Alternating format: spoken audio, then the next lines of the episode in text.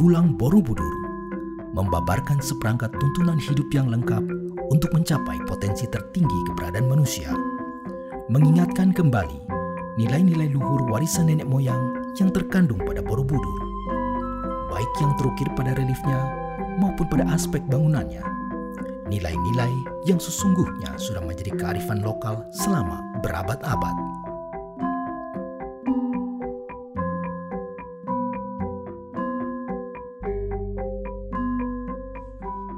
Mudah-mudahan belum jenuh.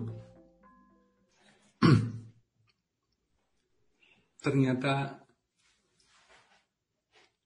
dalam hidup ini yang dituju kita kepingin bahagia.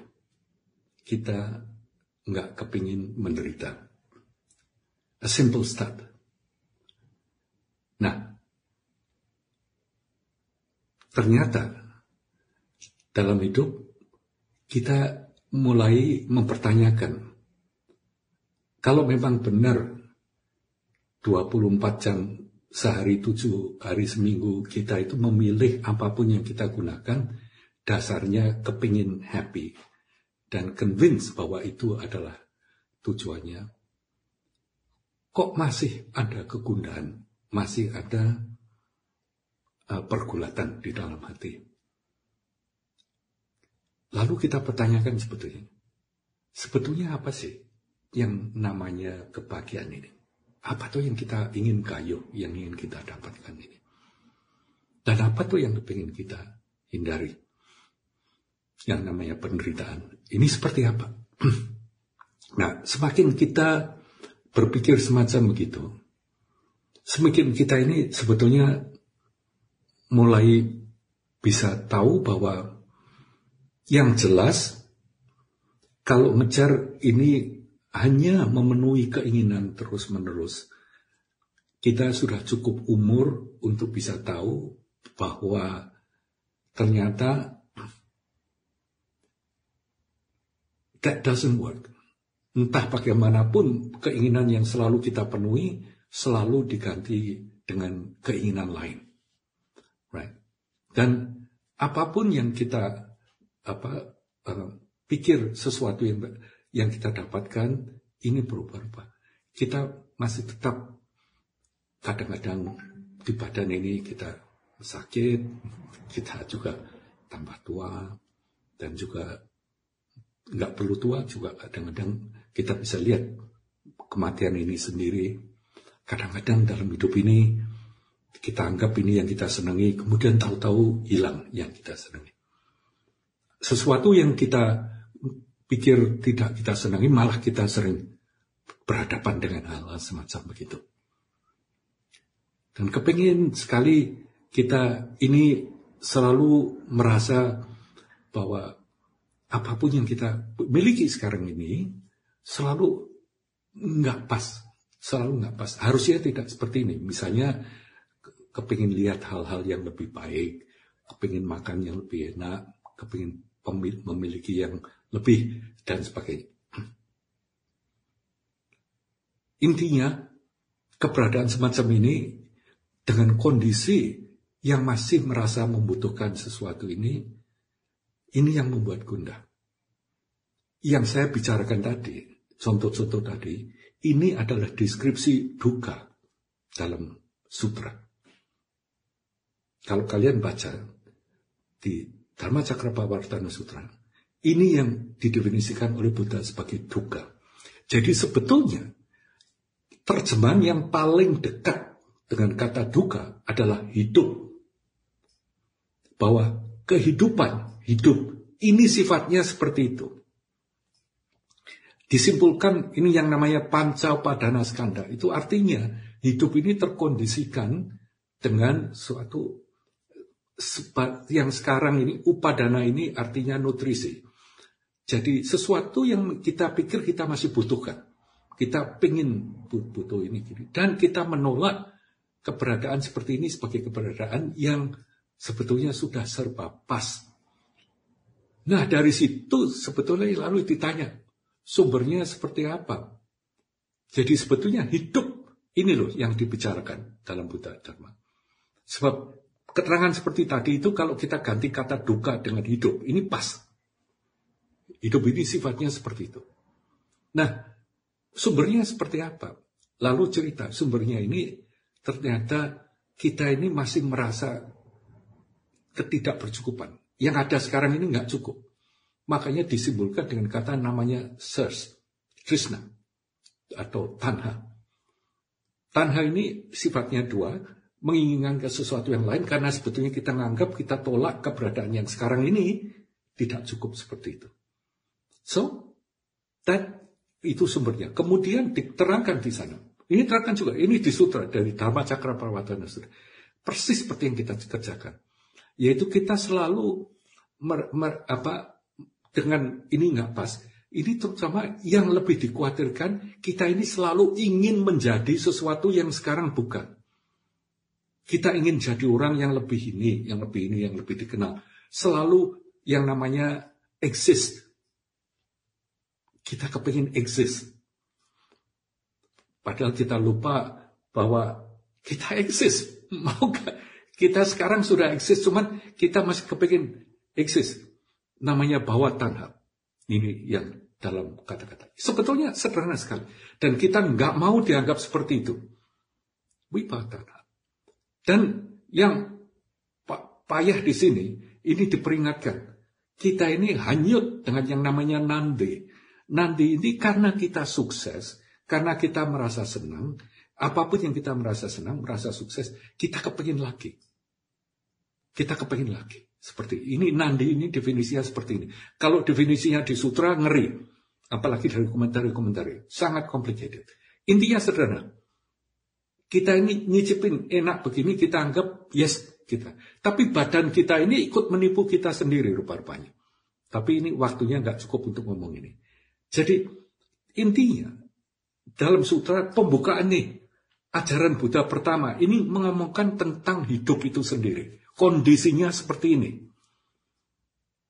Sebab beliau kan luar biasa kan. Dikatakan ingin jadi ini, nggak ingin jadi itu, jadi tresna ini karena kehausan seperti ini. Hmm. Lalu dia, dia omongkan, eh kalau begitu memang kalau kondisinya ini seperti begini, lalu nanti hilangnya kondisi ini seperti apa? Lalu Buddha ngomong, kalau kamu mau hilangnya seperti ini, itu Jangan khawatir, karena kamu akan rasakan sendiri. Kamu akan tahu di mana hal-hal semacam ini nggak ada. Maksudnya gimana, Buddha? Ini gini, kalau kamu lihat, dengan kamu ingin eksis tadi, dengan kamu ingin bawa tanah, ini yang paling dikhawatirkan. Ini kamu terjebak dalam hal ini, paling tidak dengan dua hal yang universal. universal. Kemarin kita sudah bicarakan. Di Borobudur jelas. Satu, kamu ingin eksis, lalu caramu eksis gimana? Selalu kamu ingin, kamu ingin grasp hal yang kamu anggap menyenangkan, yang anggap mendukung hidupmu, kamu akan tolak, kamu akan benci, kamu akan marah, kamu dengan hal yang tidak tidak yang kamu anggap membahayakanmu. Satu set ini akan kalau kamu kepingin bawa tanah seperti ini loh konsekuensinya. Itu. Yang kedua, untuk eksis ternyata kamu butuh membandingkan kamu dengan yang lain. Mana namanya? Makanya kalau kamu bandingkan konsekuensinya. Kalau kamu lebih tinggi, kamu jadi sombong. Arogansi. Enak, wah saya sukses kamu. Kalau kamu lebih rendah, kurang ini, kurang ini, kamu jadi gak pede. Jadi stres, lihat orang lain, iri hati, cemburu, dan sebagainya. Nih dua hal ini. Kalau kita jujur, coba kita analisa nanti malam. Atau nanti sore kalau sudah selesai. Atau sekarang pun. Ada atau tidak penderitaan kita yang lepas dari dua pasang ini? Tidak ada. Tidak ada. Dua pasang ini. Ini yang disebut samudaya ini bukan sebab tapi sebetulnya sumber. lebih mendekati self. Nah, dua ini persoalannya apa? Karena kita nggak bisa ngerti sebetulnya yang ada apa. Avidya yang atas. Makanya panser ya yang paling atas. Di Borobudur. Ini digambarkan avidya. Kita nggak ngerti dua hal ini. Right? Ini temanya seperti ini nanti hidup kita. Pengen ini, nolak ini. Bandingkan dengan yang ini, bandingkan dengan yang lain. Temanya akan selalu seperti ini. Terus menerus seumur hidup. Kalau kita nggak berubah. Jadi yang Buddha omongkan ini bukan teori, bukan ism, right? Bukan isma, tapi betul-betul about your life. Lalu caranya gimana? Ini yang keempat. Buddha gini, hidup ini cara pandangmu, cara mikirmu, cara bicaramu, cara bertindakmu, caramu ber, apa, bermasyarakat, caramu mengupayakan segala sesuatu, dan caramu berkonsentrasi, dan caramu yang nanti akhirnya bisa apa selalu berkumpul ini, ini selaraskanlah. Ada delapan nih. Ini kamu bikin selaraskan. Empat tadi itu sebetulnya ajaran Buddha Dharma. Intinya ini, sudah ajaran apa pun mesti pas dalam empat ini. Ini yang namanya catur Arya Satya. Makanya yang delapan jalan ini terjemahnya juga sebetulnya patut kita perhatikan juga. Bukan benar, samyak itu bukan urusan benar. Makanya tadi ada yang tanya mengenai kebenaran ini. Saya sebetulnya menyinggung ini, cuman saya pikir kelamaan. Persoalannya bukan sama atau samyak. Ini sebetulnya yang terpadu yang selaras. Bukan benar. Karena right thinking, you know, right speech, right terjemahnya begitu kan bahasa Inggris. Makanya dengan mudah kita terjemahkan sesuatu yang benar. No. Ini loh, empat-empat ini.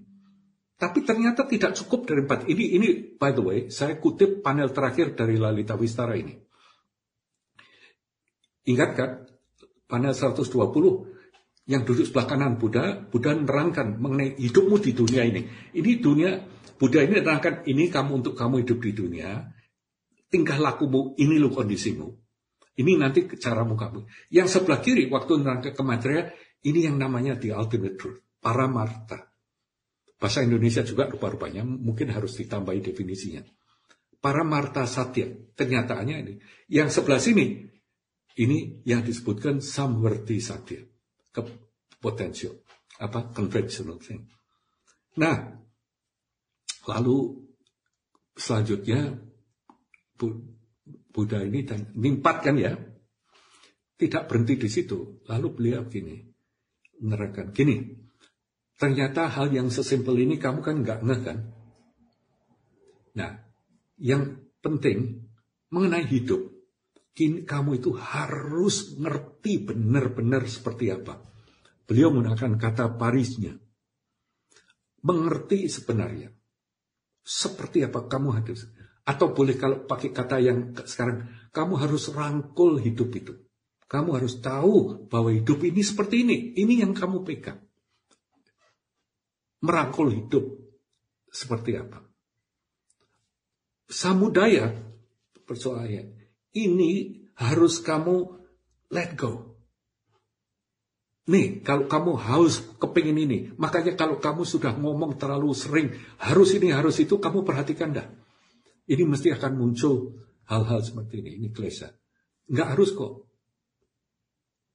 Dan ini lucunya, dengan keadaan seperti ini, tadi dengan bawah tanda, kita ini mencari dalam hidup, sistemnya, itu mencari suatu landasan landasan yang fix sehingga hidup ini temancap.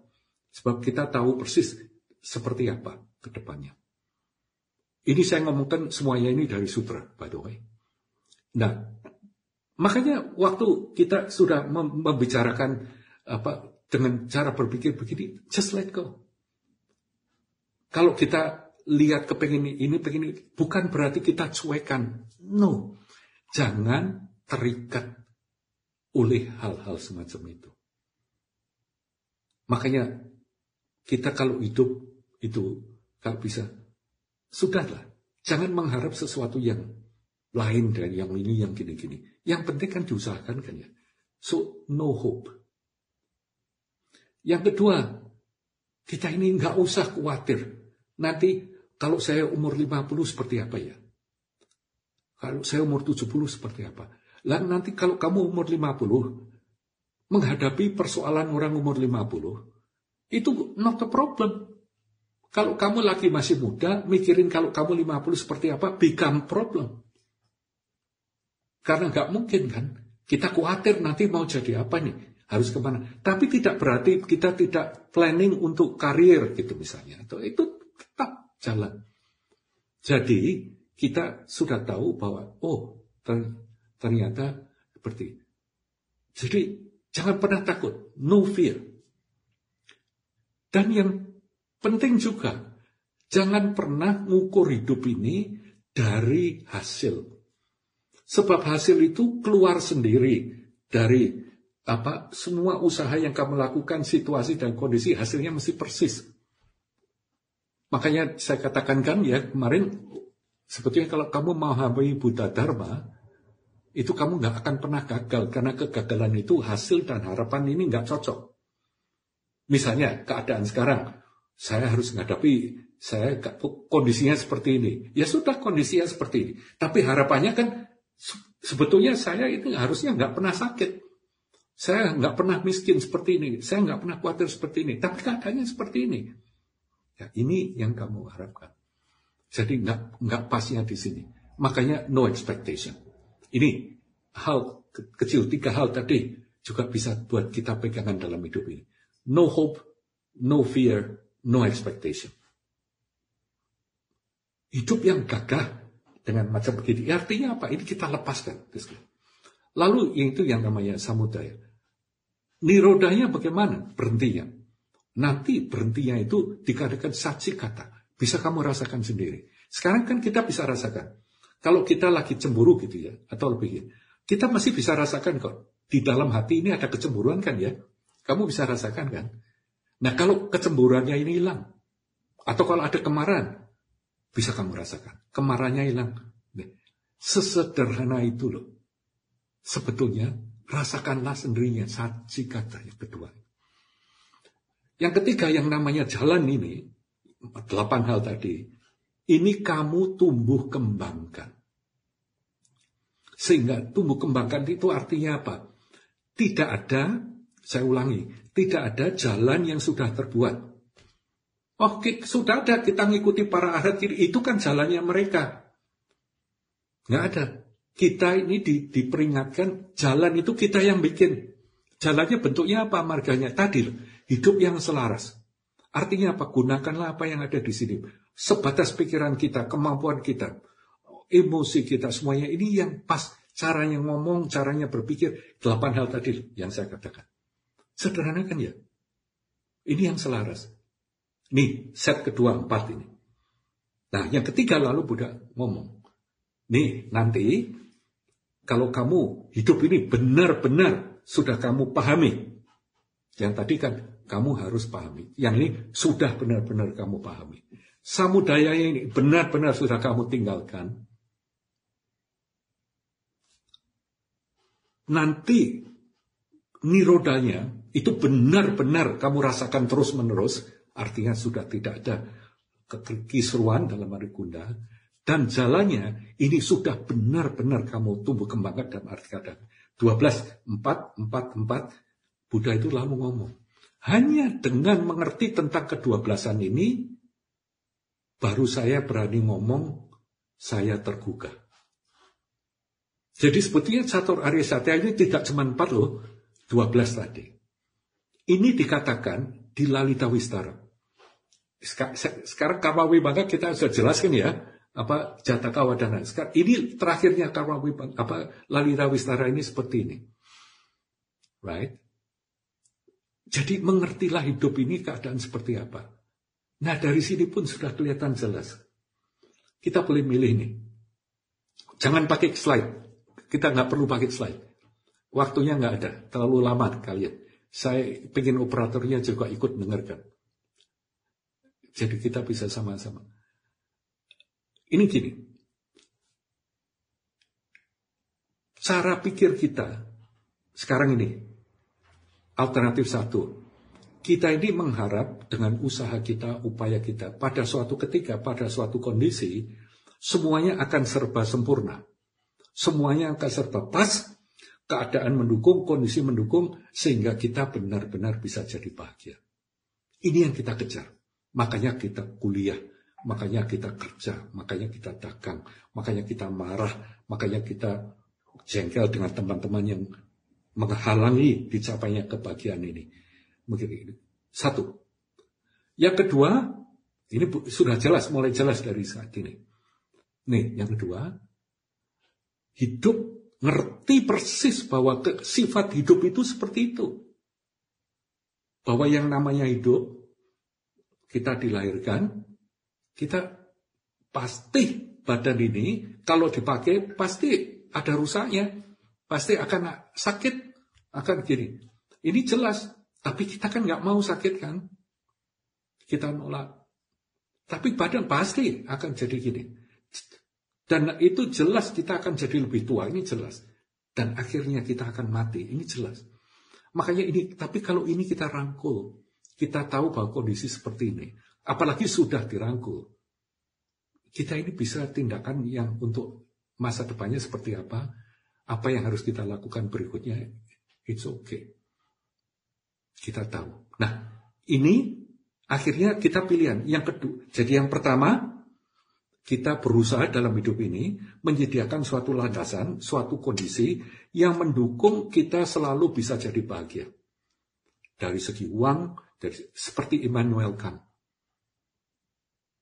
Kita ini yang kita usahakan, kebanyakan kita seperti itu. Temannya yang banyak, seperti kita populer, apa-apa seperti ini. Kita, kita anggap pada suatu hari, makanya kita usahakan. Makanya hidup nggak enaknya seperti apa kalau ditanya mau mati sekarang mesti nggak mau. Nggak maunya kenapa? Tunggu, siapa tahu besok saya bisa mencapai kebahagiaan seperti itu. Di mana semuanya sempurna. Atau yang dianjurkan oleh Buddha. Ini yang kedua, itu menganggap apa pun yang kamu hadapi, rintangan apa pun yang kamu hadapi, kamu akan bisa menanggulanginya. Yang kedua. Kamu tinggal pilih kok. Kamu mau pilih pertama atau mau pilih kedua. Kalau kamu pilih kedua, berarti kamu harus tahu bahwa dalam hidup ini tidak ada yang bisa kamu atur. Semuanya akan serba nggak ada. Ya ada sebatas yang diatur. Kalau pagi ranjangnya diberesin, di apa itu benar, itu masih bisa. Tapi nggak ada yang bisa kamu harapkan seperti itu nggak ada. Siap-siaplah dengan apa yang kamu hadapi, kamu pasti bisa nanggulangi. Ini kamu kalau jadi klub kedua, yang ini Sebetulnya yang klub Buddhis ini seperti ini.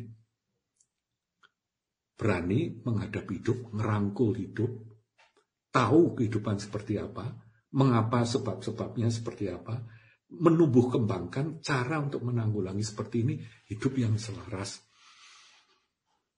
Ini, di, kalau kita baca di Lalita Wistara, di bab ke-26, pertama, bagian pertamanya ini seperti ini yang diterangkan. Kemudian yang kedua, ini waktu Maitreya tanya. Nah sebetulnya di belakang itu semua, kok kita bisa tahu, kok bisa menyelaraskan ini seperti apa? Lalu Buddha cerita, sebetulnya kalau hal seperti itu, urusannya, itu kamu harus tahu bahwa yang saya terangkan di sini itu sebetulnya hmm, sifatnya sunya sifatnya kosong. Kemarin kita sudah bicarakan. Sebab kalau di, keberadaan hidup ini, coba kamu lihat. Ini ternyata nggak ada. Kalau saya boleh pinjam, ini ucapan dari Kimantep Sutarsono dalam lakon Sastro Jendro Hayuningrat Pangruating Dio. Itu salah satu yang diterangkan satu hune sak temene ning kono ora ana apa-apa sing ana dudu. Sebetulnya Sehingga kalau kita lihat ultimately itu tidak ada apanya, tidak ada apa-apanya, kekayaan ke, ke orang salim itu, itu lihat benar-benar nggak ada. Yang ada beda. Nah ini yang perlu kita tanya. Sing ono dudu. Apa yang ada di sini?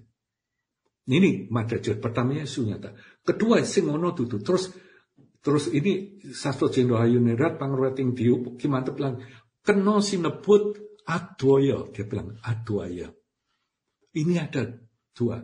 Di Buddha menerangkan kepada ini keterangannya juga lama, tapi intinya kendala terakhir setelah tahu bahwa semuanya ini sunya adalah karena kita yang namanya adwaya dalam sastra Ayur ini. Bahwa sebetulnya kesalahan kita ini, kita pasti punya struktur di mana struktur cara kita melihat ini sistemnya dualitas. Memiliki sistem dualitas. Makanya kalau ini di perwayangan lagi, di perwayangan itu ada istilah sepuh.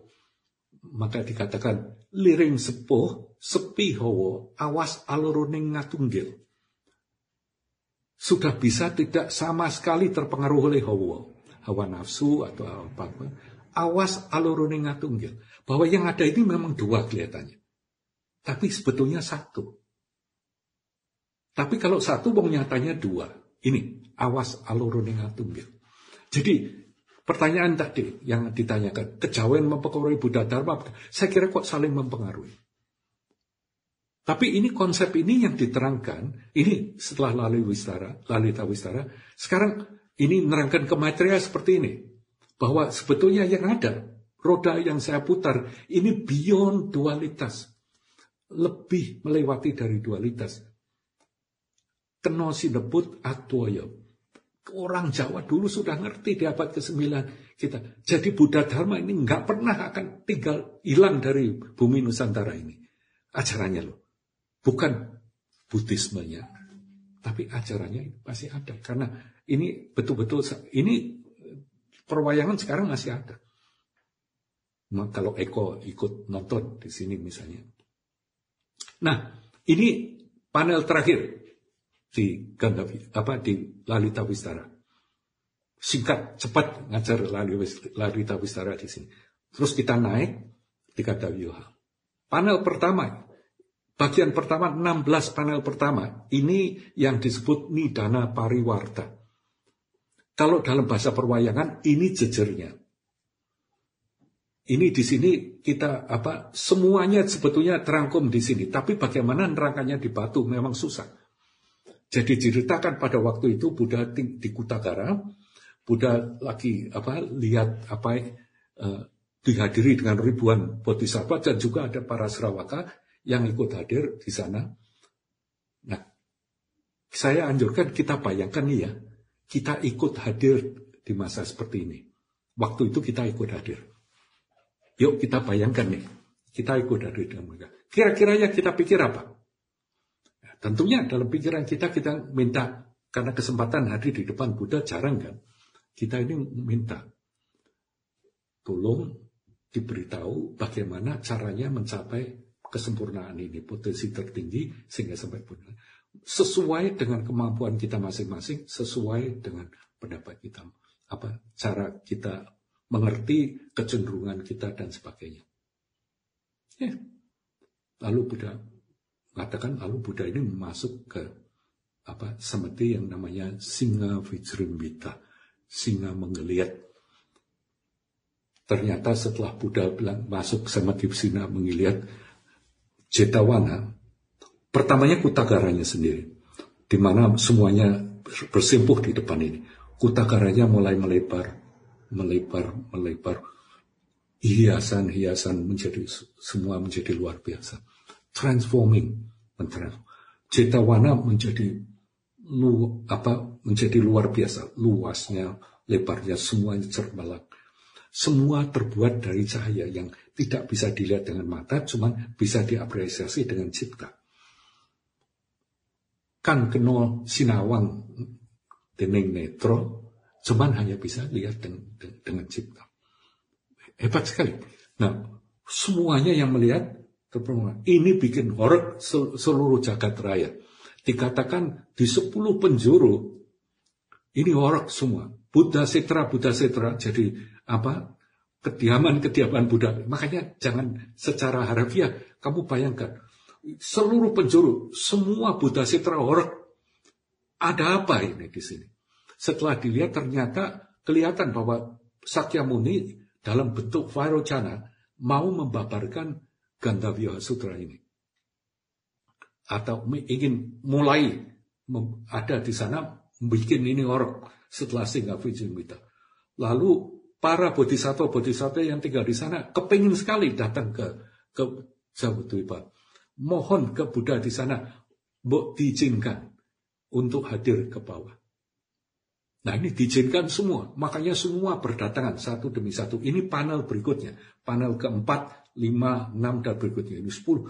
Buddha satu persatu dari banyak kan, ini semua berdatangan di Borobudur ini. Itu katanya datangnya itu bawa semuanya lengkap serba lengkap karena untuk bayangannya luar biasa ya. Seperti apartemen yang tinggi dengan segala kelengkapannya mereka datang. Itu ngurus parkirnya saja susah, saya pikir. Tapi ini it's amazing. Semua datang ke sana, sibuk ini di Borobudur diukir semua. Tujuannya apa sih? Tujuannya ini kita kan ikut nih, kita ikut hadir di sana kan ya. Kita ikut. Lihat begitu kita kira-kira gimana dalam hati. Wih, apa ini? Oh, ternyata kita ini mungkin bisa lihat seperti ini. Jadi yang diutarakan, dimanifestasikan oleh Buddha di sini, ini loh potensimu. Potensimu ini bisa seperti semacam ini. Bisa menyapai kehadiran seperti ini. Nih, verse 16, 16 bisa. Hadir di depan situ diwakili dengan apa uh, representasi kebajikan yang ada oleh Samantha Batra. Mewakili intelijen mengenai pengetahuan yang ada diwakili dengan Manjusri. Membawai para bodhisattva di sana. Banyak serawatan juga kan. Ya, tapi ternyata banyak yang lihat ini, di panel kedua, ini digambarkan ada serawaka-serawaka dan para lokendra, raja-raja yang di sini, tengahnya kosong. Berarti mereka ini nggak bisa lihat keajaiban yang terjadi di sini.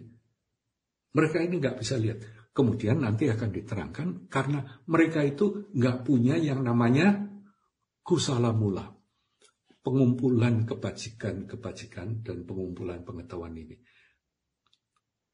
Jadi artinya cara kita melihat potensi kita ini juga tergantung cepet atau lebarnya cara kita mandang. Nah, lebar atau cepetnya mandang itu tergantung dari apa yang ada di hati.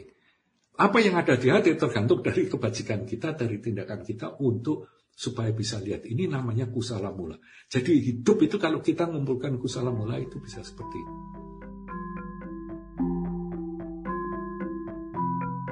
Terima kasih telah mendengarkan podcast ini. Dengan mempelajari dan menerapkan nilai-nilai yang terkandung pada Borobudur dalam kehidupan sehari-hari, berarti kita telah ikut melestarikannya. Ikuti terus podcast Bumi Borobudur berikutnya